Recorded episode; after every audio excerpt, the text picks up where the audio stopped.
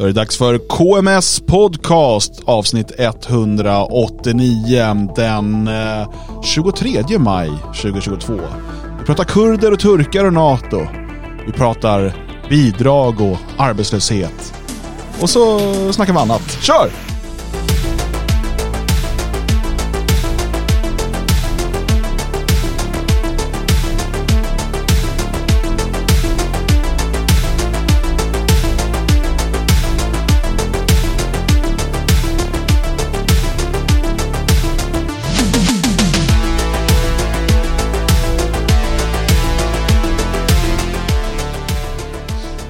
Ja, det dansas här i studion i Svenskarnas hus. Magnus, vad kallar du de där movesen du gjorde precis? Ja, men det är lite storken kommer, storken flyger.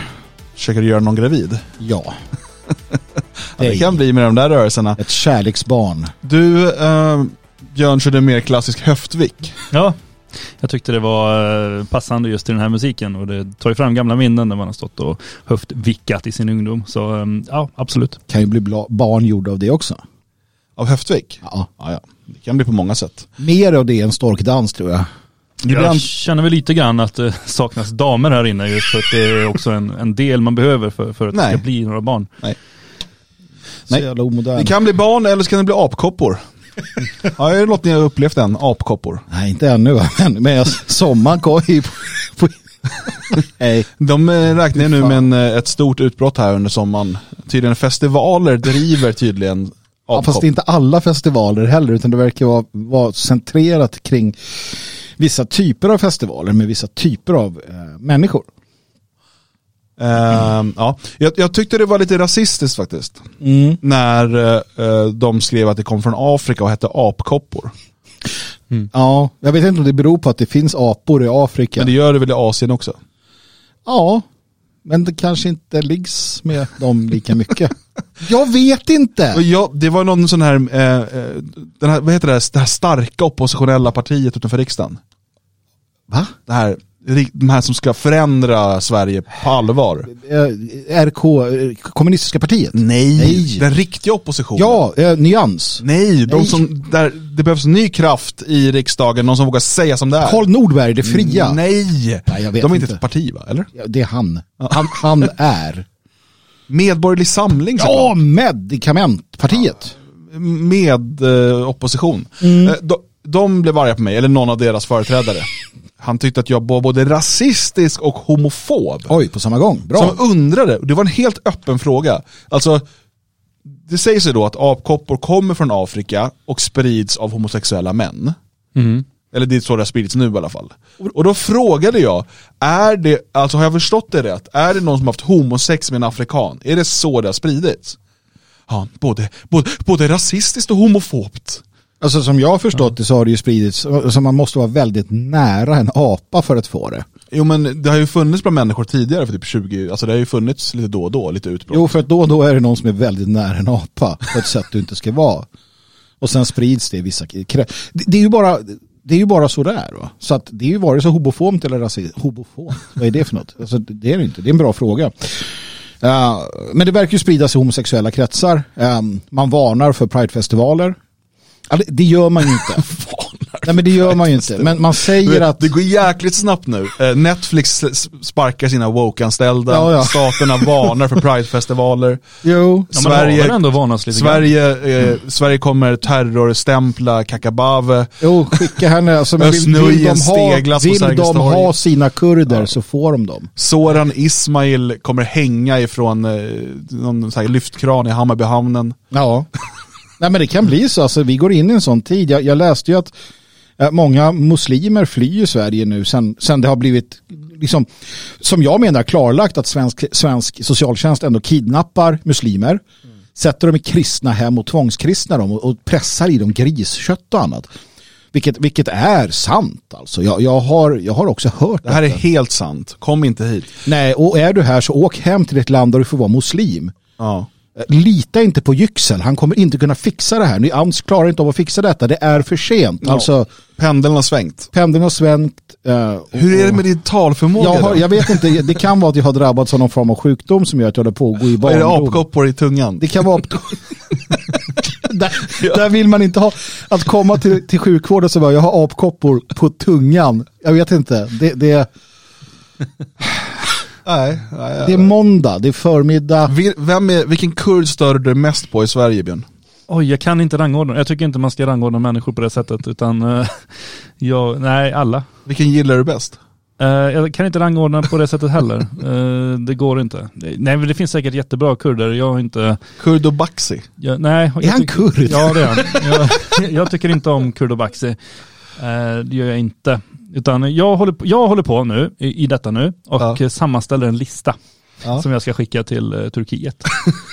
Making a list. Att eh, här, här har ni, eh, be om de här, ta dem. Ja. Eh, som jag brukar säga, Vad är det för fel på er? jag hittade den. Vill de ha kurderna, varsågod. ja, just det. Ja, du letar efter titeln. Ja, jag hittade Ja, vi den. skrev titeln inne vi hade citatet, ja. Just det. Eh, så kan det gå. Eh, Men, okej, ska vi snacka kurder? Vi kan snacka kurder. Ja, Björn har ju tidigare varit väldigt tydlig med vad han tycker om kurder. jag tycker om dem. Ska vi börja med kurderna? Eller Ja, jag tänker börja- det, för att vi, vi är ändå inne på det där och vi ska ju snacka lite sen om lite fortsättning på eh, det vi skrev om på detfriasverige.se förra veckan om eh, ja, eh, polisens förfall helt enkelt. Det kommer lite fler exempel på det. Och så ska vi prata det här om socialbidrag eller ekonomiskt bistånd som det kanske heter nu. Mm. Ehm, med, med anledning av en, en Timbro-undersökning eh, och, och sådär. Jag, jag vill prata allmänt om det här med folk som lever på bidrag hela livet. Eh, och och eh, varför de ska tillbaka till Turkiet. eh, men, men, men vi kommer dit eh, helt enkelt. Så jag tänker att vi börjar ändå i den här NATO, turk och kurdfrågan. Ehm, för att det är väldigt intressant. Sverige väljer då att ansöka och gå med i NATO. Eh, och Erdogan säger njet, eller hur de nu pratar där. Ja, njet. Alla onda säger njet. Eh, ja, och det här är, jag, jag försökte nu lite grann här på morgonen sätta mig in i, i alla turer som har varit. För att det har varit kolossalt mycket fram och tillbaka eh, grejer som har varit. Men jag, jag försökte i alla fall till att börja med sätta mig in här i vad det handlar om i grunden. Mm. Och i grunden så är det ju en konflikt, eh, jättegammal konflikt mellan kurderna och, och Turkiet då. Eh, 78 så startade, alltså 1978, då startades PKK. Mm. Eh, Vad står det för? Ja, Politiskt korrekta kurder. Ja, det gör det. Eller något med Publicistklubben, och- jag vet inte. Eh, nej, det, det, jag, läste bara vad det hette på kurdiska och jag fattade inte det så jag utelämnade den informationen. Mm. Nej, men, ja, de är ju kända som PKK. Så. Ja, precis. Och det är ju alltså revolutionära kurdiska kommunister som startades från början för att eh, de var revolutionära redan från början men var ändå ett parti. Var de kurder Bara. från början? Det är också frågan. Kurder var de från början, Ja. definitivt från, från tidernas begynnelse. Och- eller skogsturkar som det kallas. Eh, de, Bergsturkar, inte? Bergsturkar kanske. Ja. Just det, eh, strunt samma. Eh, de, ehm, kurder kallas de ju med, vi använder det epitetet här. Eh, de blev terrorklassade ganska kvickt och, och ledaren stack utomlands och gömde sig. Var det Öcalan? Ja, precis. Jag Eh, minns, jag minns demonstrationerna på Sergels torg förut. Frige Mm. Öcalan, frige Öcalan. ja, han var ju inte eh, Fångad. fångad, blev fångad för, sen. sen blev han fångad ja. Och det är han fortfarande. Eh, Alltjämt, han fick ju dödsstraff som de omvandlade till, Av till, en eh, stormvind. till livet ut eh. Ehm, ja, i alla fall. Men ehm, alla är överens om att PKK är terrorister. Sen 2001. när- Hans när, Holmér hävdade att de mördade Palme under en period. Sen ändrade han sig. Ja, det just det, men även EU va, har ju klassat dem. Ja, som- det börjar med USA, eller börjar ju med Turkiet naturligtvis, men sen hakade USA på efter 2001 där. Och eh, EU också. Så Sverige har ju terrorklassat eh, PKK, så där är alla överens. Sen så gillar ju många svenska politiker PKK eftersom att de är revolutionära kurdiska kommunister, vilket eh, väldigt många socialdemokrater Ja men det, de, de tänder till liksom när de hör bara den, den meningen. Eh, I alla fall, sen har det fortsatt då eh, och det finns ju massa olika kurdiska grupper här och var. Eh, Det som är mest aktuellt just nu i de här konflikterna mellan Turkiet och Sverige som just nu pågår, det är eh, UGP. Som är eh, en del av SDF, Mm. alltså Syriens demokratiska styrkor.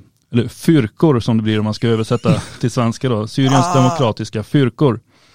Vänta, det är de eh, som också slåss mot Assad. Mm. Ja, och det är ju, det är en eh, kurdisk-ledd grupp eh, som eh, har stöd av USA eh, och de har ju stridit mot eh, Islamiska staten också. Och därför har de också blivit hyllade väldigt mycket i Sverige för att de har stridit emot eh, Isis och man har hävdat att de är någon slags frontgrupp mot Islamiska staten när de egentligen bara är en frontgrupp för sig själva. För, för de vill ju ha kurdiskt självstyre överallt. Eh, så de har ju hållit på där då och ehm, eh, ska vi se, UGP som då är en del av SDF, de är i sin tur en väpnad gren av det kurdiska partiet PYD. Som, och båda de två har då tydliga kopplingar Man till märker att det här är vänsterorganisationer. Och de två har då tydliga kopplingar till PKK. Eh, Så att i grund och botten är det ju PKK, men det, Sverige, eftersom att Sverige ganska mycket följer vad, eh, eller EU överlag följer ganska mycket vad USA gör och säger, så har ju vi inte då terrorkopplat de här grupperna eftersom att de samarbetar med USA. Men sen har de ju samarbete i sin tur med PKK som vi alla tycker är terrorister. Så håller de på. Eh, sen har vi, ja just det, så, så hade vi ju det här eh, Turkiets ambassadör blev ju intervjuad av Aftonbladet och, och slängde ur sig att eh, det finns ju faktiskt eh, svenska riksdagsledamöter som borde eh, tänka till som samarbetar med terrorister och det borde de inte göra. Och lyfte fram då den här eh, Amineh Kakabaveh som ett exempel. Eh, som han då sa också borde utvisas. Sen hörde han av sig kvickt efteråt när han väl hade pratat med någon att nej, kanske inte utvisas men, men inte samarbeta med eh, de där människorna i alla fall. Eh, det mest intressanta kom precis nu på morgonen eh, och det är ehm, norsk tidning, eh, vilken var det? Jag hade det på mobilen här. Världens gang kanske? Ja, det kan ha varit. Kan också ha varit någon annan. Någon av de stora norska tidningarna. Oslo. Aftenposten. Aftenposten kan det ha varit. Eh, Fjordnytt. Lusekofteblad. Det, ut på turbladet var det. Eh, strunt samma, eh, det är Aftonbladet som citerar. Och eh, en talesperson för PKK som eh, förklarar att Sverige borde inte springa Erdogans ärenden och vika sig för honom. Och eh, säger då att, från frågor fin- finns det, skulle det kunna bli någon form av konflikt då mellan PKK och Sverige? Och han säger att nej, alltså i, i Norden så finns ju inte PKK naturligtvis eftersom att de är förbjudna. Men han lägger till att i de nordiska länderna finns det många kurder som flytt från de totalitära, eh, teokratiska och auktoritära regimerna i Irak, Syrien, Iran och Turkiet. Så det är ju alltså ett, ett nytt hot som dyker upp här nu då från PKK att om Sverige går med i NATO genom att vika sig för Turkiet så kan vi räkna med att PKK eh, ställer till det här på hemmaplan hos oss. Vi har alltså importerat, alltså som som den här klassiska eh, trojanska hästen, har vi alltså tagit in människor nu i det här landet som står beredda att eh, agera mot Sverige om att Sverige, Sverige agerar fel. Och det är det mest intressanta nu tycker jag. men, men jag tycker ändå att eh, alltså, i detta läge så, så förutsätter jag att eh, gråvargarna nu kommer med en kommuniké om att de kommer försvara de svenska intressena mot de här kommunisterna. För att de har vi också importerat, så vi har ju gråvargar här. Jag tycker även att Iran, deras ambassad, bör konstatera att de har jävligt bra koll på sina förlupna eh, kurder. Det har de ju haft. Jan Guillou är alltid arg över det här. Eh, så att de får faktiskt styra upp det här i Sverige. Um, så att de sköter detta åt oss. Så att, eh, ja, gråvargarna och Iran tack. Eh, revolutionsgardet finns säkert. Men, men det är ju en viktig poäng här Björn, där. vi har ju importerat då kurder som, eh, och, och för det han säger där är att de är ju lite som sådana här sovande terrorceller nästan. Att liksom, ja, men, vi har tillräckligt mycket kurder för att ställa till problem om ni nu går emot kurdernas intressen. Ehm, och menar, Erdogan har ju resonerat likadant angående turkar i Europa och sådär. Liksom att, eh, det är bäst ni, vi, vi har ju många turkar på plats och sådär. Det här, det här kan man ju liksom förutse om man inte är en idiot och liksom när, när, när man börjar importera de här folken, att man importerar de här problemen också. Ehm, in, hashtag inte alla kurder. Men men, men eh, jag måste säga det, du får, se, inte- se inte så besviken ut Björn. men, men, jag trodde inte det var en sån där kurd... Ja, men det finns ju en annan kurd. Nu vet jag ju inte. Man kan ju inte säga något för Men, vissa. men det vet jag undrar bara så här, innan vi går in på eh, frågorna nu om Sverige och NATO och Mm. kurder och turkarna och sådär. Mm. Eh, Det finns ju vissa folk som alltid blir ovän med alla folk de bor hos. Under flera tusen år Ja. också. Ja. Och kurderna verkar ju också vara ett sånt folk. Ja. Men li, lite grann egentligen, i grund och botten så är det väl ändå så att alla som inte får ett eget land blir osams med folk. För att de, de måste ju hävda sig. Men är det då jättebra att skapa jättemånga sådana folk i en stat? Nej, det är ju jättedumt. urbota dumt. Så dumt. Alltså det är så dumt. Så att Men du varför gör vi inte. det då? Ja, för att vi Varför är har så våra föräldrar gått och röstat på det då? Mamma, pappa, vad fan har ni gjort? Vi, tro, vi trodde att eh, om, om de bara kommer hit så blir de svenskar. Det är ju det där som är så dumt. va? Och det tror ju folk än idag. Många tror det. Det har aldrig fungerat någonstans, men här kan fungera. Så sa så, så, sa min pappa. Det var ju någon... han- så ja, din berättat. han, han lät. Och det är lite intressant att din far lät på det sättet. Det var ju Pappa någon är ju kurdisk- adopterad alltså. någon, någon kurdisk komiker, jag minns inte vem av dem det var, som sa att eh, vi kommer inte till Sverige för att bli svenskar utan för att få vara kurder. Det var Östnudgen. Det var Var det Östnödjen? Ja. Och det är ju det det handlar om. mycket. Ja, han är duktig på att vara kurd. Det har jag, kan jag Jo men det kan han, det kan han. Det är jag jätteduktig på ändå. Som Har- har han komiker, kurd- ja men kurd Har han, jättebra. eh, har han barn? Eh, det har han säkert. Har han kurdisk fru? Nej, Det har han säkert. kurdbarn. Jag vet inte. För jag tycker det är ofta som de där kurderna, det är så himla viktigt att vara kurd och sådär, men sen så brukar de ändå lyckas eh, skaffa någon svensk tjej eller sådär. Jo. Jag vet inte. Nej, nej okej. Men, men okej, det, det som händer nu då, det är ju att Erdogan kommer inte, alltså reglerna är ganska enkla. Eh, Alla NATO-länder måste rösta för, Mm. för att ett nytt land ska få bli medlem i NATO. Det är som MC-gäng. Ja, och just nu är Sverige hangarounds, eller prospects. Precis. Ja, Eh, och nu ska de göra skitgöra i några år. just. Eh, just. Så får vi se. Men, eh, och, och Turkiet säger att de kommer inte rösta ja eftersom att Sverige stödjer terrorister eh, och det de menar då är till exempel YPG. Mm. Och Magdalena Andersson blev ju bara statsminister. För hon köpte ju Amina Kakabavehs röst Ja. genom att lova en massa extra pengar till YPG. Det är liksom så. Och sen några månader senare, nu ska jag bli kompis med Det är Turkiet. jättekul. Ehm, och, eh, vilket också får mig, att- för att ofta konspirationsteoretiker, de tror ju alltid att det finns här stora planer. Och det, Mm. Jag tror att när Magdalena Andersson finns det ingen stor plan. Nej. Här är ju väl bara, nu ska vi gå med i NATO. Jag tror inte, när hon blev statsminister så fanns inte det på hennes Nej, radar. nej, nej, nej. Nej, nej. Bara händer, det bara händer saker. Man Nu vet ju sina känns det egna- annorlunda. Nej, men man vet ju sina egna liv, det händer bara saker. Ja. och det gör det ju här också. För att det är många som säger, kolla de har förberett för flera år att. Sverige ska gå med i NATO. Jag tror att sossarna, och även Hultqvist när han sa det, de trodde inte att de skulle eh, gå med i NATO. Nej. Så de har aldrig tänkt på det. Nej. Men jag är ju förvånad varje morgon när jag kommer i tid till jobbet. Ja, ni också. så, så Det vore kul om det hände ja. Mm. Mm. Men, men det är ju, så om vi, om vi tittar på lite mat och potatis här så är det ju så att, att ehm, det, det, det som alltid, det här alltid att man blir lite tagen på sängen, alltså inte vi utan dem. Det här med att man inte blir svensk bara för att man flyttar hit. Går man med i en militärallians som handlar om att skydda varandra, ja, då är det ju svårt att säga att de som drabbas av terrorism i sitt hemland, Turkiet som en del av militäralliansen, att säga, nej men ni får nog stå ut med det här för att vi gillar, alltså du- får ju köpa det. Du, Ja, men ge Sverige har ju dessutom Erdogan ett vapen, vapenembargo mot Turkiet. USA också för den Ja. delen. Vilket är helt sinnessjukt när du har NATO. Och det här, okej, NATO, okej. Du har vapenembargon inom NATO. Du har Turkiet och Grekland som i princip hamnade i krig för några år sedan. Ja. Båda är NATO-länder. Mm. Alltså det här med NATO, ja, alltså det kan nog funka ett germanskt NATO. Här uppe skulle det nog kunna funka. Jato. Jato ja. Nej, men delar av NATO kommer funka, men tittar du på hela NATO kommer inte en chans att du får hjälp av alla. Aldrig i livet. Det där är ett jävla korthus. Ja. Skulle, skulle, skulle, Sverige bara, vi ska lägga ett kort till i det här korthuset. Men så här, okej, händer upp. Kommer Grekland, kommer Grekland skicka militärtrupp för att skydda Turkiet under några som helst omständigheter? Nej det kan jag inte tänka Nej, mig. men det vore Vilka ju- grekiska soldater Ja. skulle gå med på det? Det, det är liksom? helt orimligt. Då får man ju ta från, inte vet jag, Kentucky. Har de löst Cypern än eller? Nej, men pre- precis. De är i princip i krig med varandra. Så att, nej, men, men här måste man ju då tänka, som jag gör, att eh, Erdogan ska få det han eh, vill ha i sådana fall. Om man nu ska vara med i det här. Kurder man- och vapen. Kurder och vapen, fast inte tillsammans.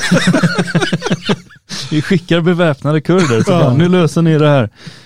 Men sen är det ju så att Erdogan använder det här och jag vet, jag såg så här, men du, man får inte säga Erdogan, det, ska, det här G ska vara Erdogan. Fan jävla läspande hela Samma tiden. människor som säger Barcelona. Och Mexiko, jag får inte säga Mexiko, Mexiko. Men jag är inte mexikan, jag är inte turk. Han heter Erdogan.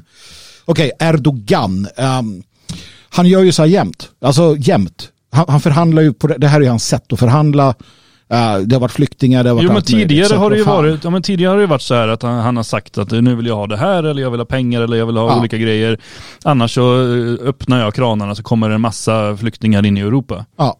Nu gör han ju tvärtom. Nu säger han, jag, jag tar era flyktingar. Ja. Jag tar dem. Vi vill bara skicka dem. Ge Iväg med dem, bort med dem. Det här är ju det bästa. Jag struntar i NATO i det här fallet. Vi behöver inte gå med i NATO, men kurderna kan han få.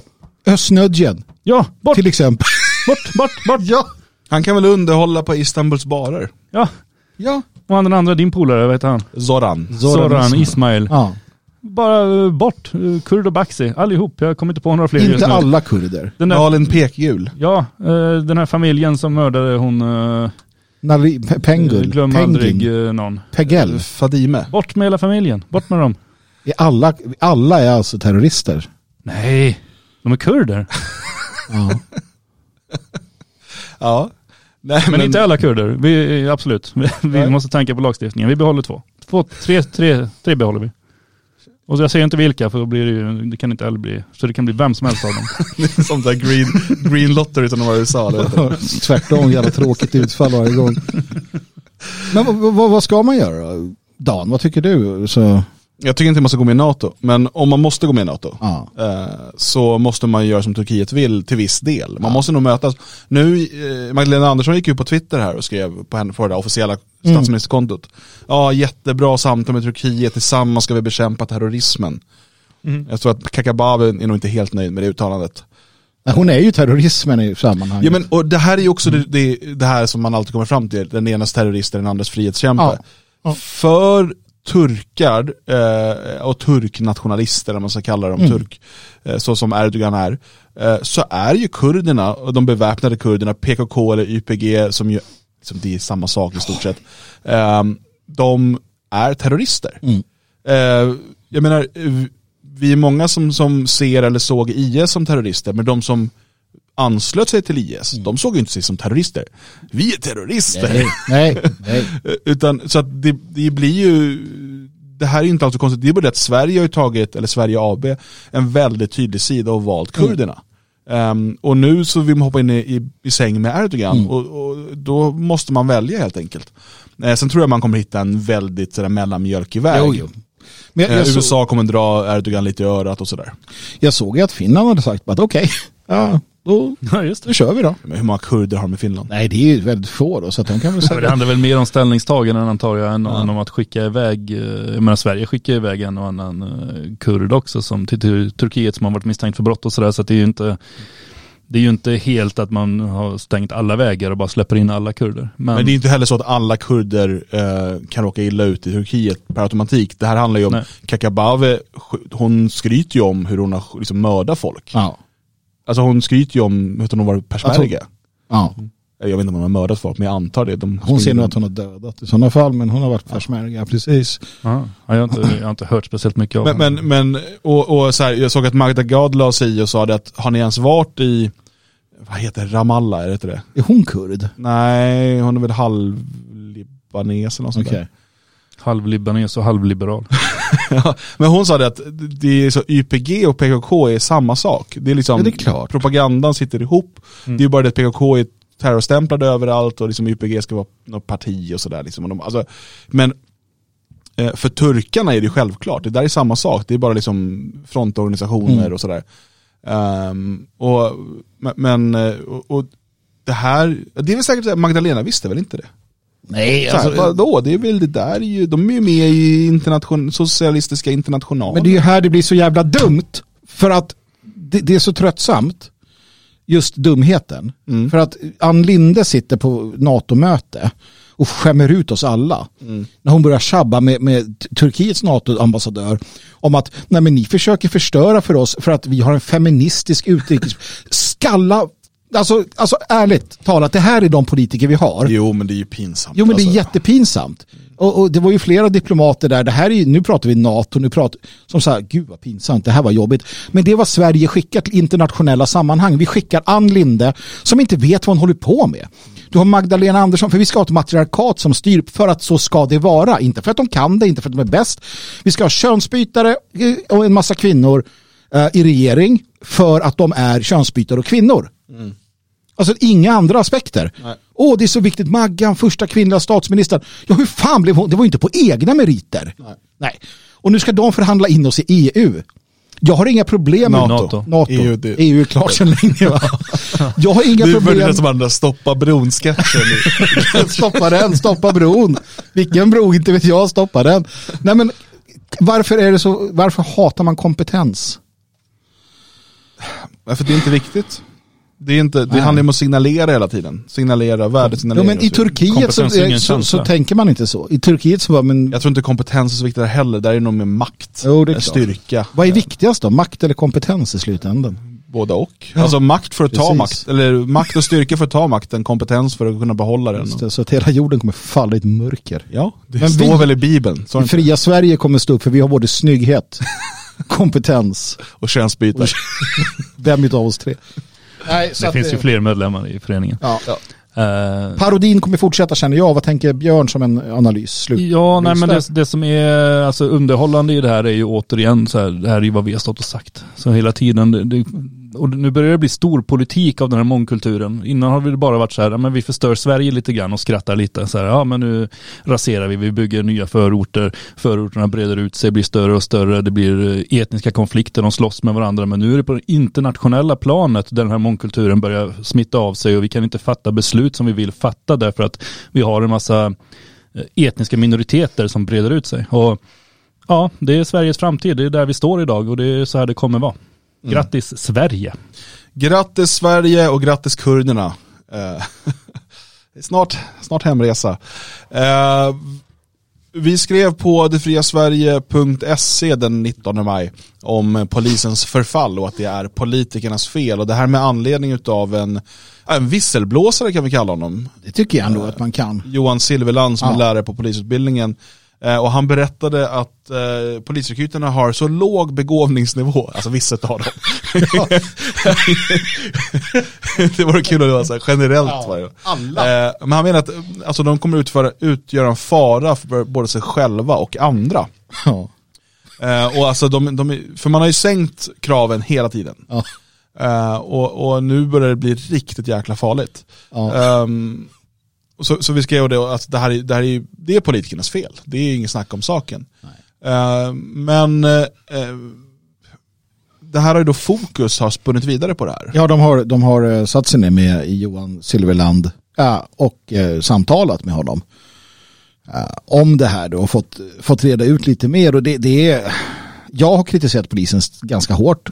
Det har vi alla. Vi, vi har pratat om att någonstans här, men defund Police är nog en bra idé till sist för den är så, så som den är. Va? Och vi har varnat för det här äh, utvecklingen att polisen mer och mer blir ett gäng, alltså de blir något helt annat än vad de var. Äh, aktivistpoliser, du har tjänstemanna känslan har försvunnit, vi har pratat med poliser som vittnar om det här också och så vidare, att det här är en farlig utveckling. Och när, när Johan Silverland här berättar mer i, i fokus vad han har varit med om, då blir man ju på riktigt mörkrädd. Alltså det här är ett riktigt allvarligt problem som, som bara blir värre.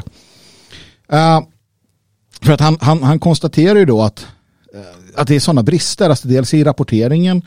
Eh, och jag, ska, jag ska ta och titta lite på, på jag, ska, jag ska helt enkelt läsa lite från den här texten som, som Fokus har eh, lämnat. Och bland annat så konstaterar han då att flera fall, han är alltså lärare på Södertörns polishögskola, det, han, det här är sånt han vet om då läser jag så här. Dessutom återger han flera fall där studenterna uppvisar ett för rollen olämpligt agerande. Vissa måste äta psykofarmaka för att klara av vardagen. Andra agerar impulsivt och farligt vid trängda situationer. Och de sänkta begåvningskraven menar han har fått till följd att polisutbildningen hyser individer som inte vet hur ett personnummer ser ut eller ens klarar av att öppna en motorhuv. Det är allvarligt om du sätter vapen och makt i händerna på människor som är så dumma. För att med dumhet följer brutalitet, vare sig det är medvetet eller inte. Alltså en dum människa, på riktigt dum och intelligent, är brutal. Inte för att den är ond, men för att den är dum. Alltså, man är väldigt nä nära till våld, nära till handling, nära till överslag, nära till brutalitet. För att du inte har verbala förmågor, du har inte orden, du har inte språket, du har inte det. Ja, säkert en del empatistörning också. Absolut, absolut. Jag säger så här till poliskåren, vill de ha kurderna? Varsågod.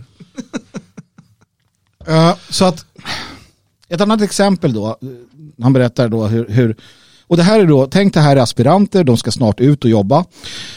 Eh, En lärare kom till fikarummet, hon var ledsen, berättade att hon hade blivit skjuten av en student. Och det är klart man blir ledsen när en Ja, student nej, det, skjuter det, en. jag hatar när det händer. Eh, och det här är alltså under en examinationsövning. Eh, eh, han såg ledsen ut. Eh, han hade alltså spelat en onykter person. Och han hade vägrat att lämna ifrån sig spritflaskan. Och blivit skjuten. det tyckte aspiranten som nu ska, alltså examinationsövning, den här ska Den ut och jobba. aspiranten ska ju också börja med fotboll tror jag. Det kommer bli fotbollspolis. Ja men precis, antagligen va. Så blir skjuten då, så bara, men vänta du ska inte skjuta någon som bara, "Nej, jag vill inte lämna flaskan, pang! Det är de som släpps ut på fältet. För problemet är också, jag ska komma med ett till exempel, men ett problem, det är att eh, de här varningarna, om, de klar, alltså om en student klarar sin utbildning, men det finns liksom varningar på dess beteende, så går det aldrig ut, ut från Polishögskolan till chefer. Så alla de här poliserna som har gjort ett dårskap och har blivit varnade under utbildningen, deras chefer uh, ute på fält har ingen aning om det. För det rapporteras inte vidare. Så att det här kommer inte rapporteras vidare. Alltså att, nå- att han sköt någon för att, ja. Eh, Ja, det, är- det är ju riktigt illa. det är jättedumt va? Ett annat exempel. Studenten skulle göra ett ingripande med ett övningsvapen laddat med färgampuller.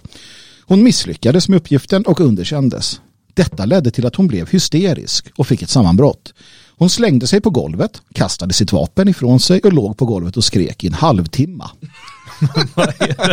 Det här, den här kvinnan då, poliskvinnan, är ute i tjänst säkert nu. Eh, och eh, reagerade så här när hon inte klarade själva provet då. Om hon nu klarar Alltså, sen då. låter lite som småbarn, fast de, en halvtimme brukar de inte orka hålla på. Nej, eh, precis. Och, och det värsta exemplet ska ni få. Var det här inte det värsta alltså? Nej, det här är det värsta. Och det här är det värsta på riktigt. Och man blir faktiskt väldigt illa berörd. Återigen som sagt, eh, de, de låga kraven släpps igenom utan att varningar går vidare. Då kan det bli så här. Det gick en student här som hade uppenbara problem med det svenska språket. Språksvårigheterna var så stora att lärarna uppmanade honom att sluta och inte gå vidare till aspiranttjänstgöring. Hur kom man in på utbildningen? Mm. Man har sänkt alla kraven. Du behöver inte kunna svenska. Du behöver inte kunna ett jävla ord svenska uppenbarligen. Studenten hörsammade inte varningen utan Jag gick förstod vidare. inte vad de sa. Nej. Eh, Och, och påbörjade sin aspirantutbildning som innebär ett arbete i skarpt läge. Då undrar jag bara, bara jag bryter här. Är det inte lärarna som bestämmer vem som går vidare? Det är väl Morgan Johansson har sagt att x tusen poliser ska ut. Så. Det är där du har det. Ja. Han förklarar det sen också. Eh, Så här då, vidare ska vi eh, knyta ihop den här lilla eh, situationen då. Aspiranten skulle vid tillfälle hålla ett målsägande förhör med en kvinna som hade blivit utsatt för ett sexualbrott. Alltså tänk dig det, en kvinna blivit utsatt Och nu för ett pratar vi sexualbrott. i skarpt läge. Skarpt läge, det här har hänt, Ja. hon har blivit våldtagen, Eh, hon, har, hon har blivit liksom illa behandlad, våldtagen och mår inte bra. Citat, istället för att, som sig bör, fråga om det gjorde ont, frågade han, var det skönt? Mm. Och det värsta med det där är egentligen att jag tror att det inte bara är en språkförbistring. Det Utan tror jag där absolut inte att det är, utan- Kultur, kulturell... Det där är något som går igen här. Han säger aldrig det, Johan Silverland. Han säger aldrig, han tar upp lågbegåvning, han tar upp språksvårigheter, han tar upp, men han talar inte om de två stora sakerna och det är att polisen har medvetet under årtionden nu siktat in sig på två typer av människor. Nyanlända invandrare av olika slag och hbtq-personer. Man har haft riktade annonser i pressen under många, många år mot dem. Snälla kom hit. Och det här är eh, det vi ser nu i resultatet och sen då har man sänkt alla kraven, man har sänkt allt. Liksom. Så, så han säger det att alltså, man, man, man har alltså sänkt kraven så pass att du får bli polis men du får inte göra värnplikten. Det- Det är så kravsituationen ser ut. Du får inte göra värnplikten men du får bli polis på de krav som finns. Och som du säger, det handlar om att fylla platser. Man ska eh, fylla. Volymkraven från Morgan Johansson gör att man ser på fing- mellan fingrarna på varningstecken, eh, språkkrav, ren dumhet, psykofarmaka eh, och så vidare. Det är den polisen som det är den polisen som går ut på gatorna idag och, eh, och det är den polisen som vi har att dras med. Och då ska man ju samtidigt komma ihåg att tusentals dugliga poliser har ju sagt upp sig till följd av eh, usel organisation, att saker inte har fungerat. Ja. Man har gjort massa förändringar inom poliskåren som har lett till att eh, folk har känt att eh, det funkar inte längre. Nej. Eh, och det är ihop med en ganska dålig lön och ganska stora risker och ja, mängd, mängder av uh, sådana saker. Och då ersätter man de här dugliga poliserna som har valt att säga upp sig. Jag, jag känner en till exempel som kör lastbil idag för att han inte kände att han kunde vara kvar inom poliskåren. Eh, och det ersätter vi med det här då. Mm. Och tyvärr eh, så är det som så att eh, Sverige AB tjänar på det. Alltså eliterna, de styrande På vilket politikerna, sätt då? Det, de får en lojal, eh, en lojal, ett lojalt gäng som, som är brutala, ganska dumma i huvudet och som lyder order. Eh, förr i världen hade vi självtänkande poliser som säkerligen, jag har pratat med sådana också, som säger att de hade aldrig gått med på till exempel att, att upprätthålla vissa av de eh, vissa av de, de restriktioner som kom under corona. Det vill säga att de, de hade aldrig gått med på att upphäva demokratin. De här poliserna som du får ut nu, som, som knaprar piller och är dumma i huvudet, faktiskt, om de får order från, från makten, lås in dem, spärra in dem, gör det, gör det, då kommer de göra det med glädje och med våld. Så någonstans tjänar politikerna på det, i alla fall i ett första skede. Sen kommer det hända annat naturligtvis. Men, men det, går ju, det är svårt att säga om. Men, men det här är bananrepubliker, det här är diktaturer i, i liksom Sydamerika, i Afrika. Det är, vad vi, det är vad vi håller på med i Sverige nu. Jo, och det där då kombinerat med den allt mer eh, centraliserade polisen. ehm, där man flyttar runt folk för att de inte ska ha personlig relation till eh, de människor de, de arbetar med och sådär. Precis. Ehm, om man ser skillnaden mot eh, den tidigare tanken med både den kommunala polisen och kvarterspolis och så vidare.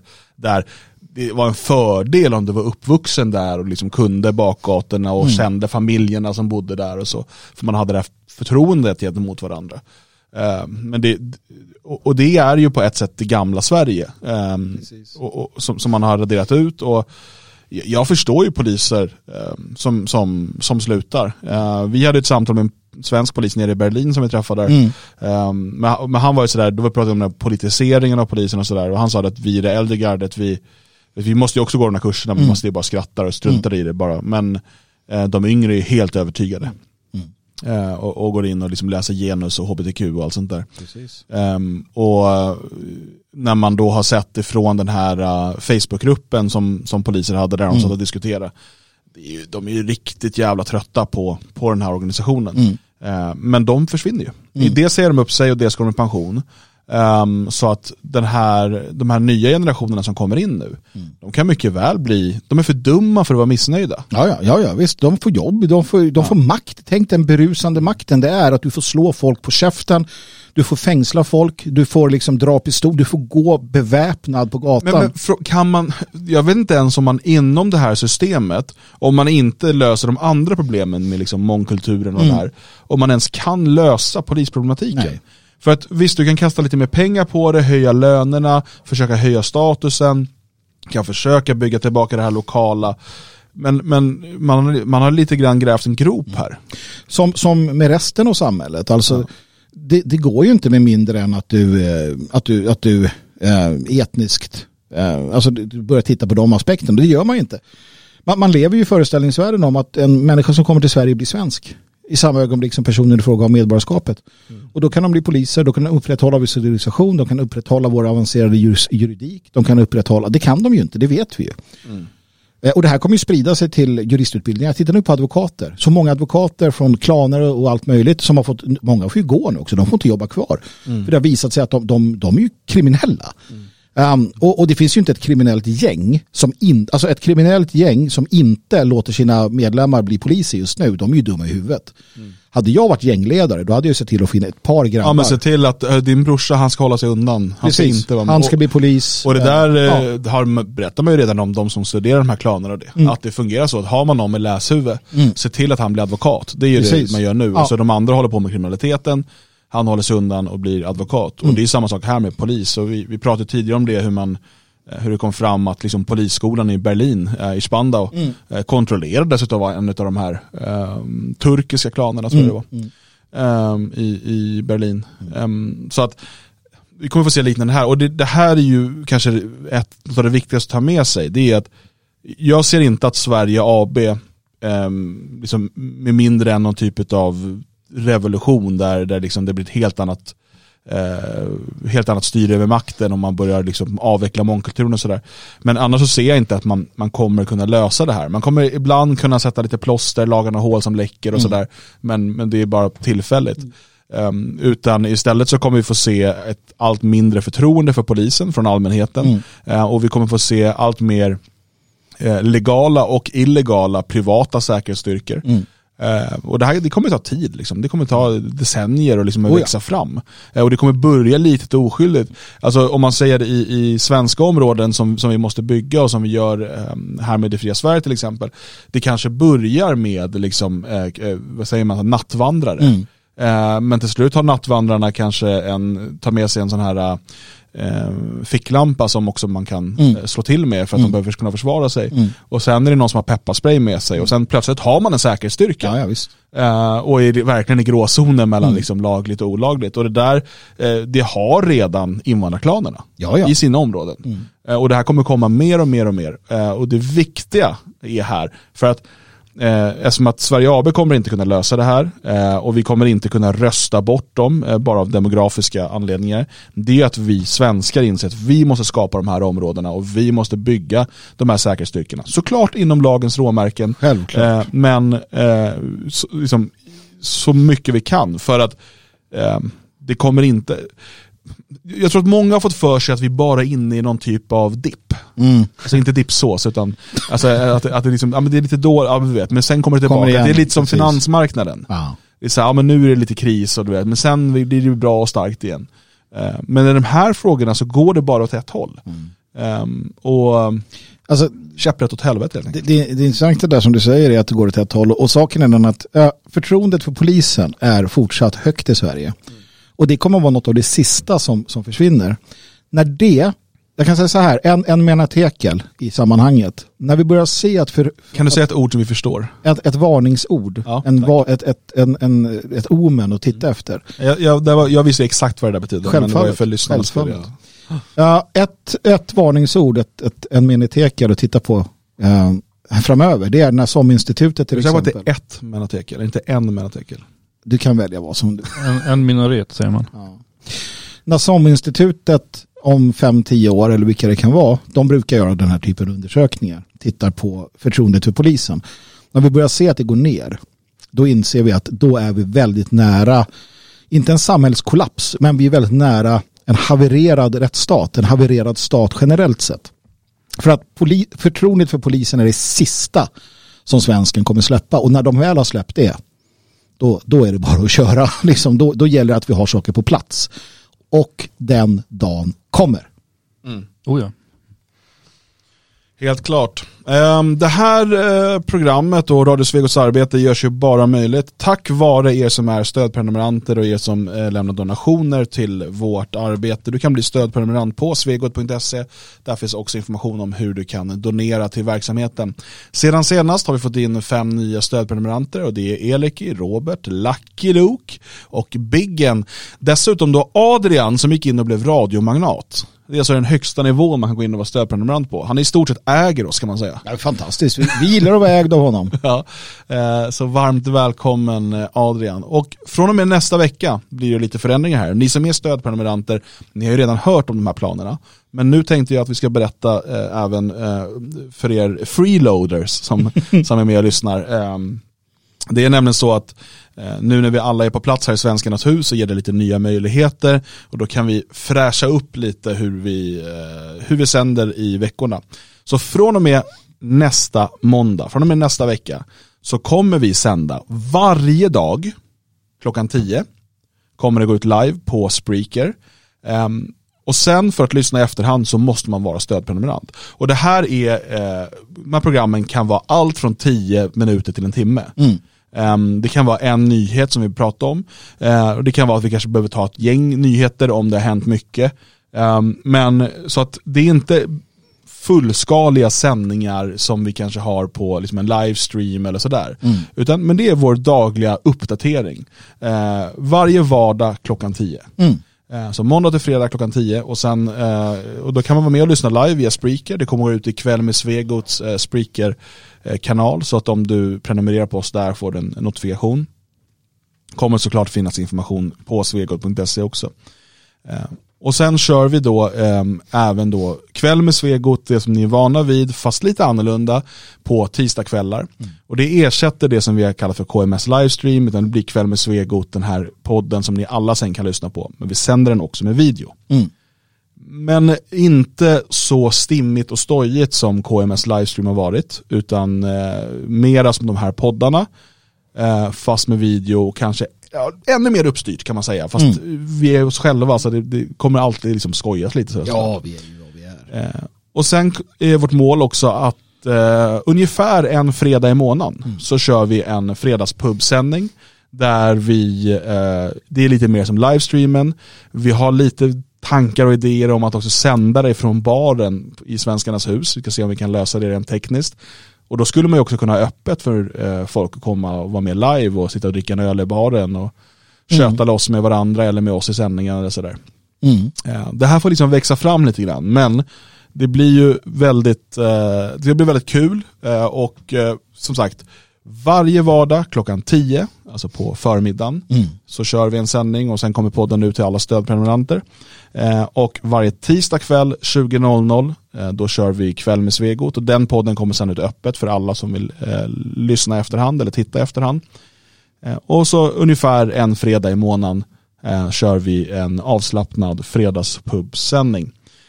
Och Magnus Härd fortsätter Det, det avser jag att den ska göra här framöver också. och gamla och nya stigar fortsätter. Yes. Passningen fortsätter. Ja. Eh, vi kommer då inte ha någon separat bonuspodd på torsdagar. För Nej. det är fem bonuspoddar kan man ja, säga. då känns det ju meningslöst att ha en till bonuspodd, extra bonuspodd. Ja. Ja. Så att eh, eh, fem poddar extra i veckan om du är stödprenumerant. Mm. Ehm, det- är ju ganska bra. Ja, ja, alltså jag funderar på att bli det direkt när jag, när jag får höra den liksom, mängd jag kommer Ja, få. och de här eh, dagliga sändningarna, ibland, eh, ofta kommer vi nog vara alla tre. Mm. Ibland kanske bara två, ibland kanske någon står själv och Ja, och sådär. precis. Och det, är också, det här är ju också bra för oss då, för att det ger oss mer möjligheter att vara flexibla i, i, i vårt arbete, ja, vilket, vilket också är nödvändigt. Vi har så många järn i elden. Alltså just nu sitter vi ju alla med ett par spännande bokutgivningar som är på gång. Mm. Ehm, inom kort släpper vi en väldigt, eh, en väldigt bra fantasy-roman utav Mm. Lennart Svensson. Det kommer information om det inom kort och det är lite andra böcker på gång. Så det är mycket, mycket arbete med det och så inte minst arbetar vi inför um, det fria Sveriges stora sommarfest den 30 juli. Eh, vi har nu bokat en uh, nyckelharpist, Mm, heter. det säger vi. Eh, som kommer att spela nyckelharpa för oss. Det ser jag fram emot. Absolut, det jävligt blir häftigt. jättetrevligt. Plus att vi har ju eh, både svenska och eh, internationella musiker och talare och allt möjligt. Och det är massa lekar. Och, eh, Det är en hel dag med, det kommer, biljetterna släpps ju nu här under den här veckan. Eh, och vi har än så länge bokat en buss då från Stockholm. Göteborg är vi lite osäkra på. Vi vet inte hur stort intresset är för en buss därifrån. Mm. Men det kommer att gå en buss från Stockholm och tillbaka, åtminstone.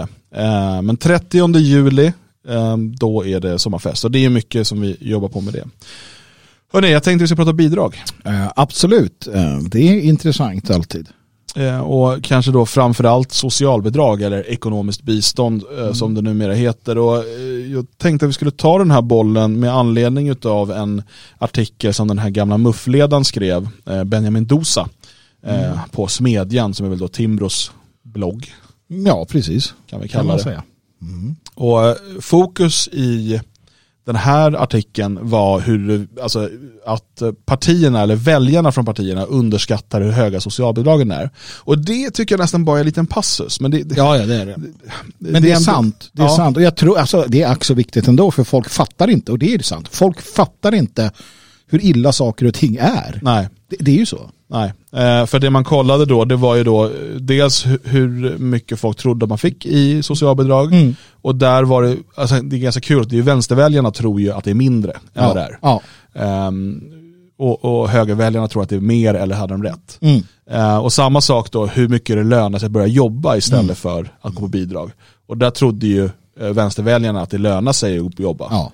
Eh, vilket inte inte gör i de här exemplen då. Nej. Sen kan man säga att i Dosas exempel, som alltid när man ska eh, göra de här sakerna, eh, jag vet att det finns en klassisk sån här hur mycket invandrare får i bidrag. Mm. Då har man ju liksom tagit, det blir ett extremexempel för det är exakt det där passar ihop med det, passar ihop med det och då blir det jättemycket bidrag. Mm. Du maxar. Ja, men det är ju för att göra en poäng. Och Ja. det, det, det behöver inte vara fel ändå. Det han har gjort i det här exemplet, det är då eh, två vuxna där ingen av dem jobbar. Ehm, och dessutom har de två barn i tonåren. Eh, och jag antar att han menar att de är 18 då. För att de ska få, för annars tror jag att bidragsnormen blir lägre va? om de är under 18. Jag har ingen aning. Nej, jag vet faktiskt inte heller. Ehm, men så här skriver han då. Ingen av föräldrarna jobbar och familjen har levt på socialbidrag, formellt benämnt ekonomiskt bistånd i några månader. Enligt socialtjänstlagen har de rätt till minst 15 500, nej då måste de vara yngre än 18. Nej. Mm. Minst 15 500 kronor i månaden för grundläggande behov som mat, kläder, lek och fritid, förbrukningsvaror, dagstidning och telefon. Dagstidning, det är också kul De har kvar med. det. Ja, Ja. att man räknar med det när de också, jag tror internet, Internet det. ingår absolut. Ja, fast det, det, det räknas ju in. Men det är ju inte så här som ett ti- tillägg som man Nej. kan söka och få som med busskort till exempel. Mm. Utan det är ju något som, ska du ha en dagstidning då är det på den här potten. Mm. Eh, beloppet för grundläggande behov får inte understiga den riksnorm som räknas fram av Socialstyrelsen. Eh, och sen tar han också, eh, ja du har ju sen också då eh, bostadsbidrag och alla de här sakerna, men det räknas ju av från socialbidraget. Eh, han har räknat då eh, att eh, familjen får sammanlagt 25 200, 25 500 kronor varje månad skattefritt eftersom bidrag inte beskattas. Familjen får också barnbidrag och bostadsbidrag men de räknas av från socialbidraget. Precis. Så 25 500. Och det han räknar då på det är att om man sen går in på ett jobb som, där det inte kräver någon utbildning, Mm. alltså ett, ett låglönejobb, Vilket det ofta handlar om. ja, eh, så gör det absolut ingen skillnad i plånboken om en av föräldrarna börjar jobba. Nej. Eh, och det är det här som då många underskattar. Ehm, däremot om båda börjar jobba heltid, Mm. då får man lite mer i plånboken i slutändan. Då. Ehm, så att, men, men, och det här är ganska intressant eh, av flera anledningar. Jag tänker att vi ska prata lite om det här just med bidrag och, och problemet som jag ser med det. Ni kanske tycker annorlunda eh, och då, då får vi bråka om det helt enkelt. Ehm, men de här exemplen också som han tar, för han pratar ju så här om hur det här ska utanförskapsområden och bla bla bla. Mm. För vad vi pratar om egentligen i många av de här fallen, där ingen av föräldrarna arbetar och det är två eh, tonårsbarn hemma och sådär. Mm. Vi pratar invandrarfamiljer Mm. eh, i väldigt hög utsträckning. Ehm, och om du får ut 25 000 skattefritt i månaden, Mm. alltså det är mer än vad min familj har att Mm. röra sig på i månaden. Mm. Eh, Och vi är, ja, inte tonårsbarn, men vi är två vuxna och två barn. Mm. Eh, Nu ska väl min fru börja jobba snart, men vi har ing, söker inga bidrag eller så. Ehm, om du får ut det, varför ska du börja jobba? Om du dessutom kommer från ett land där du liksom eh, inte har några sådana här bidrag och kanske inte har så mycket att röra med. Kan du dessutom jobba lite extra i kiosken eller på, du vet, man tar lite, några svarta inkomster på sidan så du får in några tusen lappar till. Vad ska motivera de här människorna som inte känner någon som helst lojalitet till landet, till folket eh, och istället kan sitta och, liksom och, och fika hela dagarna, Ja, mer eller mindre, eh, och, och gå till jobbet. Ja men titta på den kulturen också, för det handlar om etnicitet och kultur. Jag, jag minns när jag körde styckegods till bland annat Tensta, Rinkeby de ställena. Uh, det fanns ju de som hade affärsverksamheter, absolut. Men, men andelen män som satt och rökte på kaféerna, det var ju, det var ju som att vara i Marrakesh. Uh, alltså, det, de, deras, det, in, det är ju deras kultur i många Ja, ja, fall. så var det i Skogås där jag växte Ja. upp också. Det var ju, alltså det spelar ingen roll när på dygnet, eller på, när så länge det var öppet i alla fall, men Ja. på dagtid om du gick i, i centrum där, det var fullsmockat på kaféet och bara eh, araber och turkar. Mm. För det, det är ju så att eh, det krävs ju någonting av en människa. Eh, om du inte tjänar rent eh, ekonomiskt på någonting, då måste du ju vilja göra av andra skäl. Men om du kommer till Sverige för att, eh, för att få det bättre och, för att, och, och du har någon, någon form av syn på, svenskarna är duktiga på att ganska omgående visa att vi är underlägsna dig. Vi är dina tjänare. Slår du sönder din förort så reparerar vi den. Bajsar du i trappuppgången då kommer svenskarna dit och ser till att det städas, eller i alla fall svenska skattepengar. Ofta är det väl invandrarkvinnor som får göra de här jobben. Från någon anledning så verkar invandrarmännen sitta mest och röka. Va? Och så vidare och så vidare. Så vad ska då förmå dem att gå och jobba? Ja, då skulle vi nog kräva extrema lönepåslag Eh, alternativt och extremt inga bidrag. Jag vet inte. Vilket inte något av det är görbart. Så det finns inga incitament för att gå och arbeta. Punkt. Ja, görbart hade ju varit att sänka bidragen. Ja, det hade varit gör. Ja, men då hade du fått en andra problem på halsen. Man, och är man beredd att ta dem, det vill säga inbördeskrig? Absolut. Ja, det blir det ju man tar bort det, men jag tänker lite grann borde man kunna sänka i alla fall. Men nu vet jag inte heller varför han har tagit just två barn som exempel, om det blir någon eh, maxgrej per unge där då, eller, och sen sjunker lite Jag grann antar per, det, för de, barn, också men- på tonårsbarn är det ju Mm. just för att Mm. du får ju säkert då, de, de har ju lite högre omkostnader Mm. än tonårsbarn. Så att, som sagt, han har ju maxat upp det lite grann. Jag För tror att att liksom det, för jag menar, de, de, om du tänker en vanlig somalisk familj, då är det ju uppe i 6, 7, 8 ungar. Jo precis, och då, där har du ju barnbidragen och flerbarnstilläggen och allt det där. Ja, och jag, jag vill ju att vi i alla fall framöver, att vi kommer i samtalet in på detta också med, med vem som ska ha rätt att, att skaffa barn. För att jag är där, nu är jag tillbaka där igen. Jo men vi pratar ju, det finns ju egentligen två olika saker att prata om här. Det ena är ju då att utlänningar kommer till Sverige och får bidrag. Och jag menar, där behöver inte, vi, vi tre behöver inte diskutera det. Nej. Det är självklart att det, det går ju helt bort. Det ska, inte, ska ju liksom inte hända. Ehm, så att jag tänker kanske att vi snarare ska prata om socialbidrag eller ekonomiskt bistånd eh, och lämna invandrarbiten åt sidan. Mm. Eh, för att det blir, annars blir det så lätt att bara säga det, ja, men de ska ändå inte ha någonting. Mm. Utan vi, vi, vi bara förutsätter att vi inte hade invandring i, Mm. i den här skalan Ja. eh, på något sätt. Eh, ska man då, eh, alltså, eh, om du inte är sjuk, för Mm. det är ju en sak, då är du ju sjukpensionär eller sjukskriven eller sådär. Mm. Eh, och människor som är sjuka och svaga ska vi ta hand om och så vidare. Absolut. Men för att du inte hittar ett jobb eller inte vill ta ett jobb, Mm. hur länge är det andras uppgift att försörja dig via skattemedel? Ska, alltså för I Sverige kan du ju teoretiskt sett och praktiskt som många gör då, hela livet vara försörjd av andra, alltså inte av din familj utan av, Mm. utav skattepengar. För att du inte har ett jobb. Fast har man inte börjat ganska mycket mm, att, att se till att de som går på socialbidrag hyfsat fort måste ut och arbetsträna och göra sådana saker. Eh, ofta ganska tråkiga uppgifter som, som innebär att eh, då söker man ju ett annat jobb. Det ett riktigt jobb. sägs det. Men, Men men det är jag, 800 000 För det, i Sverige som, som eh, Ja, det är därför jag funderar på om, eh, om vissa klarar sig undan det där för att de har en bakgrund som gör att man inte bråkar med dem eller något. Jag vet inte. När vi försökte sätta det där i system en gång i tiden för att um, blåsa staten på så mycket som möjligt och, och kunna jobba gratis åt rörelsen genom att gå på socialbidrag så dröjde det bara någon månad, ett par månader så var man inne i olika projekt och snurrade runt och jobbade i princip halvtid åt kommunen med saker som kommunen behövde få gjorda. Så jag hämtade skräp på återvinningsstationer eller lagade möbler och sådana saker. Eh, vilket gjorde att man ganska snart försökte skaffa sig ett jobb istället för att eh, det var ju meningslöst att jag tror att det där är olika faktiskt. Men, men jag vet ju och jag ser ju att det finns ju människor och här var det ju ändå en ung frisk eh, man som, som i ditt fall. De är, jag har ju sett hur folk... Ja, men, men, så här, tänk dig då en ränner runt. 50-årig arabisk gubbe som Ja. han är trött, eh, kanske har lite ont, alltså Mm. inte, så, inte så han kan bli sjukpensionär men du vet sådär, kan inte ett ord svenska, då blir det ju annorlunda såklart. Nu skulle vi lämna den, Mm. men, men jag menar bara att i de här exemplen så blir det ju himla konstigt utan ehm, för att det går inte, vad ska man sätta honom på då? Nej men det jag tycker det är rimligt med, eh, alltså om vi säger att vi har ett svenskt land. eh, Det är ju att göra så som man gjorde mot oss. Mm. Att man eh, ganska fort, alltså eh, visst jag menar, någon kan bli utan arbete, hamna i problem eller jag vet inte vad som helst, föräldrarna dör och man står där. Eh, visst, ge en liten period med bara socialbidrag så lågt som möjligt. Jag tycker det är ganska högt överlag. Utan Mm. eh, sänk det så mycket som möjligt. Man, man betalar hyran och eh, liksom ett par tusen lappar extra. Folk kan Men- leva på det. Men är det inte bättre då, det här som man säger är avhumaniserande, Mm. men om du går på bidrag, jag, jag skulle kunna tänka mig några månader Mm. där du får bidrag, Mm. har du fortfarande inte jobb då, då får du matkuponger. Mm. Absolut. Ja, möjligtvis, men också kombinerat med att man ska ut och göra något. Ja. Eh, Man sätter dem på någon form av arbete där de får lära sig göra någonting. För ofta handlar det ju om att det här är människor som har svårt att hålla tider, det är människor som har sådana problem.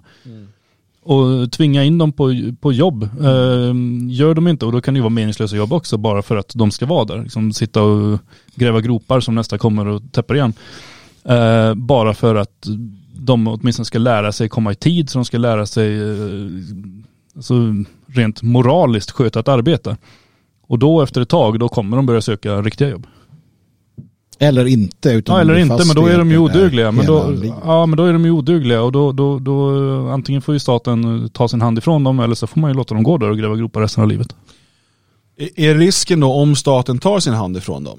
Om vi säger så här, men då är inte, du- är oduglig du, och så har de ingen familj som kan Mm. liksom hjälpa dem. Så där.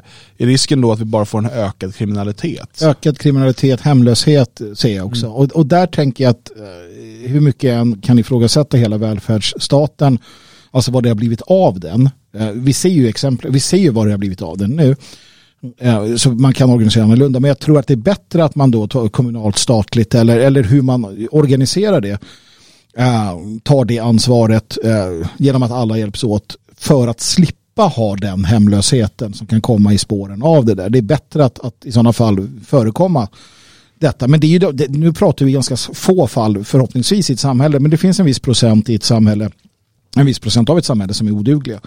Uh, och det är det samhällets, eller det folkets eh, uh, uppgift att bära detta. Vi hade fattighjon och liknande förr i världen som i roten, fattigroten gick runt i, i, i byn och fick jobba för mat. Eh, och de hade, man skulle behandla dem väl och de fick någonstans att sova och de fick något att äta. Och, och det är inget, inget fel i det heller. Va? Eh, men jag tycker också som du säger där, till exempel matkuponger och vis, eh, är en, en bra idé. Jag ser inte jag ser inget avhumaniserande jag, jag det. tänker på människor där jag växte upp och då, då pratar jag svenskar då som gick Ja. Mm. på bidrag gjort det länge. Alkoholister och missbrukare och sådär. Eh, De fick ju alltid, de lyckades så fort bidraget kom så gick de och handlade sprit eller, Mm. eller en fix eller vad det nu var de skulle ha. Eh, och eh, man själv, så här, jag var ju ung men tänkte ändå så här, fan det är helt sjukt att de Mm. liksom kan bara få pengar. Och, sen, var det många, sen fanns det ju, då fanns det ju lite sådana här att de fick eh, eh, typ presentkort de fick Mm. handla på, som man, det skulle vara liksom, och så fick de visa sina bankutdrag och Mm. sådär. Men då var det ofta man tog ut kontanter och höll på med det. Men nu får de ju, nu får man väl ett kort ofta, alltså där du får pengarna på och så vidare, att det kan, det kan finnas en enorm kontroll och det är klart att det, att det bör finnas också. Men, men, men, men, men det som också är, och det här hade, alltså så här, tänk, alla är så arga på svensk steriliseringspolitik, socialdemokratisk steriliseringspolitik, eh, som vi hade med Alva och Gunnar Myrdal och, och hela den biten. Ja, du kan ju försöka argumentera för det. Ja, jag bara säger så här, eh, låt, oss, låt oss låtsas för att vi inte hade haft det.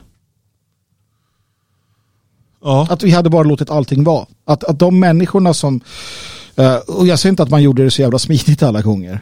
Men hade man inte gjort det, vad hade, vi, vad hade hänt och vad hade varit idag? För att återigen, en, en viss andel av befolkningen Ja. är sådana som hamnar i utanförskap eh, av egen förskyllan. De är som de är.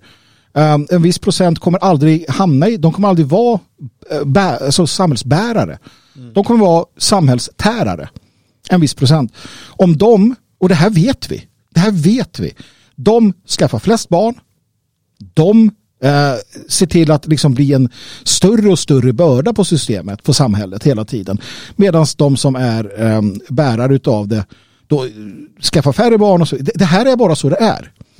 Om man inte går in och gör något åt det, som man gjorde då, vad hade hänt? Hur hade det sett ut om vi hade haft tre gånger så många, fyra gånger så många inhemska sådana innan vad hade vi varit då någonstans? Och det är här hela, hela välfärdssamhället, ett okontrollerat välf- välfärdssamhälle där du kan vara, du kan tillhöra den gruppen som inte bidrar. Men, och, men, men du får skaffa tolv ungar om du vill. Jo, men, men, och det är här du kommer in i det läskiga med en välfärdsstat. Mm. För att när du har en välfärdsstat och när du har ett, eh, som i Sverige då, ett socialiserat eh, eh, sjukförsäkring och så vidare. Det ger ju också staten makt då. Mm. Att kunna sterilisera sin befolkning. Eller kunna eh, använda sig av triage och säga att nej, du får ingen Nej. vård för att vi ska spara pengar, det ska gå till det Ja. där. Det är onödiga pengar. Ja. Eh, I ett privat system så hade du kunnat betala för dig om du har pengarna Mm. eh, för den vården. Eh, du ger ju makten, det är också det som gör att eh, man teoretiskt sett i ett eh, liksom socialiserat eh, sjuksystem kan införa restriktioner, man kan införa alla de här sakerna. Mm. Eh, för att man vill skydda sjukväsendet. Um, men, eh, och då är frågan, är det det man vill ha? Är det den makten man vill lägga hos staten? Hade man tagit bort välfärdsstaten eh, så hade du inte kunnat skaffa 12 barn hur som helst. Eh, Problemet där, det är ju det här, det är ett, det är ett mänskligt problem. Vill vi ha ett, ett samhälle i sådana fall där barnutsättning eh, i skogen är ett faktum? För det var det när vi inte Babyklappe hade. har vi i Tyskland. Babyklapp har vi i Tyskland. Ja. Nej, men det var ju så när vi inte hade ett system. Visst, kyrkan kunde hjälpa till fattighus och så, men det var ju också så att kvinnor, och det var ju ofta de kvinnorna som hamnade i det här, med män som hamnade i det här, som sedermera socialdemokratin tänkte de här steriliserar vi, när de inte blev det. Då var det i alla fall barn och som lämnades i skogen. Och det här var ju inte, vi hade änglamakerskor som dödade barn. Vill vi ha det samhället? För det är en del av att ha en icke-välfärdsstat. Ja. Uppenbarligen. Nej, Ja, det, det måste inte vara det. Nej, det måste det, alltså, inte vara. Det, det går ju säkert att organisera på andra sätt. Problemet är om du ger staten rätt att, väl, att liksom, eh, sterilisera människor Mm. för att Ja, ja nej, men absolut. det blir ju väldigt problematiskt. För man börjar ju mycket väl med lågbegåvade, liksom, så, Mm. ah, men Jo, du har men- men för låg IQ, sen bara, ja, du har också fel politiska åsikter, Precis, där får inte föras precis. vidare. Och, och där har du det. Där har du Pandoras ask. Ja men jag tycker det är ganska rimligt. Menar, om- om någon har gått och plockat ut socialbidrag i tio år och liksom får, ungar under tiden. Det är ju jävligt provocerande. Jo, men börjar Då- då du ge ju- makten? Vart tar det slut?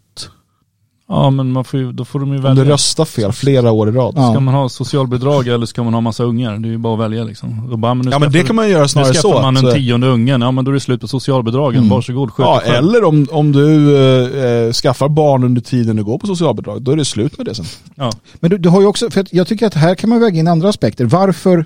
Vi hade en, en praxis i Sverige en gång i tiden att du fick bara rösta om du var en fri människa. Eh, Alltså långt, rösträtten var ju kopplad till ägande. Varför det? Jo, för att en person som äger och driver ett företag till exempel, det är en person som förstår sig på vissa saker. Här, här har vi ju en, en, en generell skif, glidning åt att de som är minst intresserade av att klara sig själva. De som är minst intresserade av att liksom ordna sin egen framgång och så vidare. Det är de som då i det här systemet har fått alla fördelar. Mm. Ehm, så att, så att eh, jag tycker det är en större fråga också. Man, borde, alltså man kan koppla rösträtt, man kan koppla värnplikt, man kan koppla eh, liksom eh, egentligen ett, ett, ett kastsystem. Eh, men, men det krävs ju också att du har en social idé. För att det här kan också spåra ur väldigt snabbt. Om du sätter teknokrater vid, vid spakarna, eh, då kan du hamna riktigt illa. Eh, Då kan du börja hamna med eutanasi och ja, men de här människorna har inte rätt att leva för de är bara tärande. Jag tror ändå att du måste ha en social idé, du måste ha en, en kärlek till folket som sådant.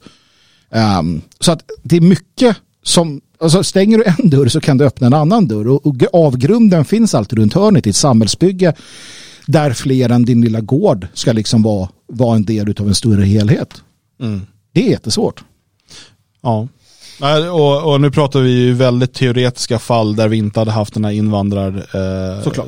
eh, eh, och så vidare. Alltså, när det gäller den nuvarande eh, problematiken så kan man bara säga, vill de ha kurderna, varsågod. Um, så att eh, då löser man ju mycket av det här. Så är det ju, eh, absolut.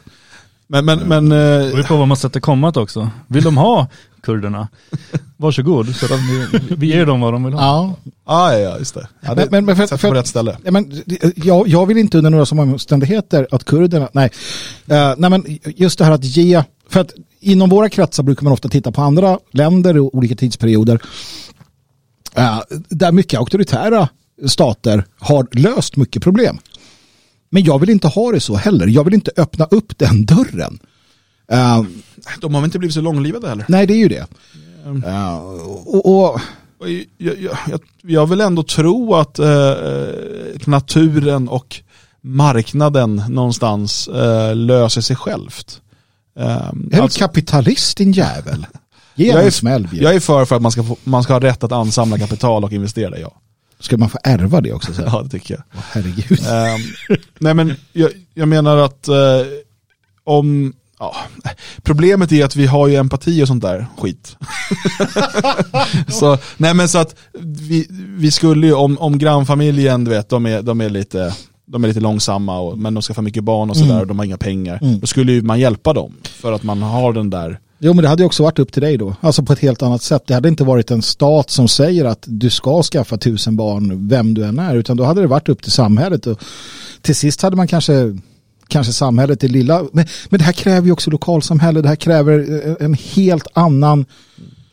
Lisa, nu får du sluta ploppa ut ungar. Ja, du kan men inte precis. dem. Det blir ju inte samma sak i ett höghus heller. Så här, ja, de på tredje våningen har många ungar och lite svårt. Liksom, nu samlar vi hela huset och eh, går dit med mat till dem. Det blir ju aldrig så. Nej. Nej, nej. Nej det, nej, det är sant. Och det måste ju samhället gå in istället då. Och det är, ja, nej, men det är en svår fråga och jag tycker absolut man ska mm, hjälpa människor som har det svårt. Eh, Men man ska också kunna ställa krav. Ja, man, kan ju inte, man kan ju inte hjälpa människor som har det svårt till att multiplicera det svåra. Tänk dig själv till exempel vid eh, de här viktminskningsoperationerna som görs. Eh, har du råd kan du göra dem när du vill. Har du inte råd och ska ha remiss, då krävs det att du visar själv innan. Dels av, av hälsoskäl då, att du måste kanske då tappa 100 kilo innan du får. Eller sådär. Um, men, men du måste göra någonting. Och det är ju för att du ska visa att det är lönt att ge dig den här operationen. Varför tittar du på Björn sådär? Det behöver vi inte prata om. Nej, men, och, och där har du ju alltså så här, okej, läkaren säger att fortsätter du så här Björn, vi, vi tar Björn som exempel. Fortsätter du så här Björn, Stopp min kropp! då kommer du dö. Men om du gör så här så kan vi sen hjälpa dig med det här. Men du måste göra det här först. Jag tycker det är helt rimligt. Alltså att ställa krav. Och, och det här måste ju då gå igen i, i allt. Va? Även om det så här, och då har ju du rätten att skita i det. Så att, nej, men man kan ju inte bara säga nej men vi gör den här operationen så kostar det jättemycket och sen så går du ut och käkar på McDonalds och sen så, så, här, så fortsätter vi bara som slavar. Varför ska de sämsta i samhället alltid vara de som avgör hela samhället? Varför liksom vi måste ha vi måste ha, inte vet jag, säkerhetsbälte vid dumt Sen exempel. vore ju det, det här uh, vi pratade om, det vore en intressant sak att ja du kan få bidrag, Mm. men då försvinner också de här rättigheterna. Mm. Alltså vi- rösta tog vi som exempel här. Eh, Man kan ha sådana saker så här, ja men under tiden du går på bidrag då får du inte det här, det här och det här. Nej, och det är rimligt. Ja. Det är det faktiskt. Eh, också, Fängelse. För det är också, men det är också en, det är också en morot. Man kan inte få fängelse. Du kan få fängelse om du går på bidrag. Nej men det är också en morot att okej få men jag, jag vill vara med och bidra för Ja. då får jag tillgång till hela samhället. Ja, absolut. Det är liksom att du får levla upp. Ja, Det skulle den här nya generationen förstå. Det plingar till Mm. Man får gamifiera hela Ja. livet bara. Ja, det är fint. Nej, men i, i, för att vill vi ha just det här att, att, att den sämsta, liksom, titta i USA, det har ju kommit till Sverige också delvis, eh, tack och lov kan man inte stämma sådär, men det här att du får inte torka ditt barn i mikrovågsugnen. Det är ett samhälle Nej, där det skiter man inte för det. Ja, men det är ett samhälle där dumheten dels är så stor på grund av vissa orsaker. Men också ett rättssystem då som kombinerar dumhet med möjligheten att, att stämma människor. Eh, Men den dumheten finns ju. Så, så att allt i samhället är ju anpassat för de som är mest ointresserade, dumma. eh, och då menar jag inte elak utan dum alltså. Eh, och, och, och, och det där är ju också ett problem i sig, eh, såklart. För att man sätter det naturliga urvalet ur spel. Om du måste ha räcken vid Grand Canyon.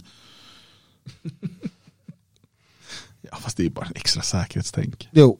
Nej men det är inte dumt att ha det, barn till exempel då. Men, men alltså någonstans. Är det här något du vill slåss emot? Jag tror, jag tror att jag kliver inte upp på det här berget. Jag, jag, jag vänder halvvägs och tar mig dalen. sakta ner. Ja. Jag håller mig i räckena som är på väg ner. Ja, det är fint. Men välfärdsstaten, den, den är inte bra. Det, det, det är ju en jättesvår fråga, för det handlar ju alltid om den här balansgången. Det finns ju inga, förutom libertarianer och sådär, som, men, men som, som helt, eh, alltså inga större partier eller så. Men, men det gör, alltså som helt pratar om att avveckla Nej. välfärdsstaten, utan det är ju olika grader utav den. Nu är de åtta i riksdagen, de Mm. är alla väldigt sossiga liksom, det finns ju inte så mycket intressant där. Men ehm, man behöver ju också tala om liksom, alternativ. Och problemet är att de här diskussionerna blir rätt fruktlösa idag för att vi har multikulti-delen som, som gör att vi inte kan, ehm, vi kan inte genomföra eh, förändringar utan att få helt andra konsekvenser. Alltså skulle vi ta bort de här stöden idag ehm, så är ju, alltså då skulle klanerna växa starkare. Sånt tror jag man tänker på också. Att Ja, om ja. inte vi ger pengar till de här, då kommer klanerna gå in och, och ge dem mat och sådär. Ja, och någonstans man kan trycka pengar. Alltså man kan, man kan trycka pengar, man kan skatta pengar, man kan skatta oss. Man, man löser morgondagens problem, inte övermorgon. Det, det, det är så enorm kortsiktighet.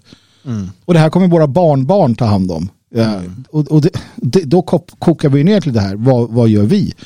Att, att skapa de här förutsättningarna så det finns några trygga hamnar. Och om den som lyssnar inte gör det, ja, då kommer det inte finnas några trygga hamnar där. Och det, det kommer folk betala priset för. Ja, det här har varit KMS podcast. Eh, Vi är eh, tillbaka med helt nya typer av sändningar då från och med eh, nästa måndag. Men imorgon Mm. kör vi en livestream. Det gör vi. Eh, Och det blir den sista liksom, livestreamen av det där slaget. Mm.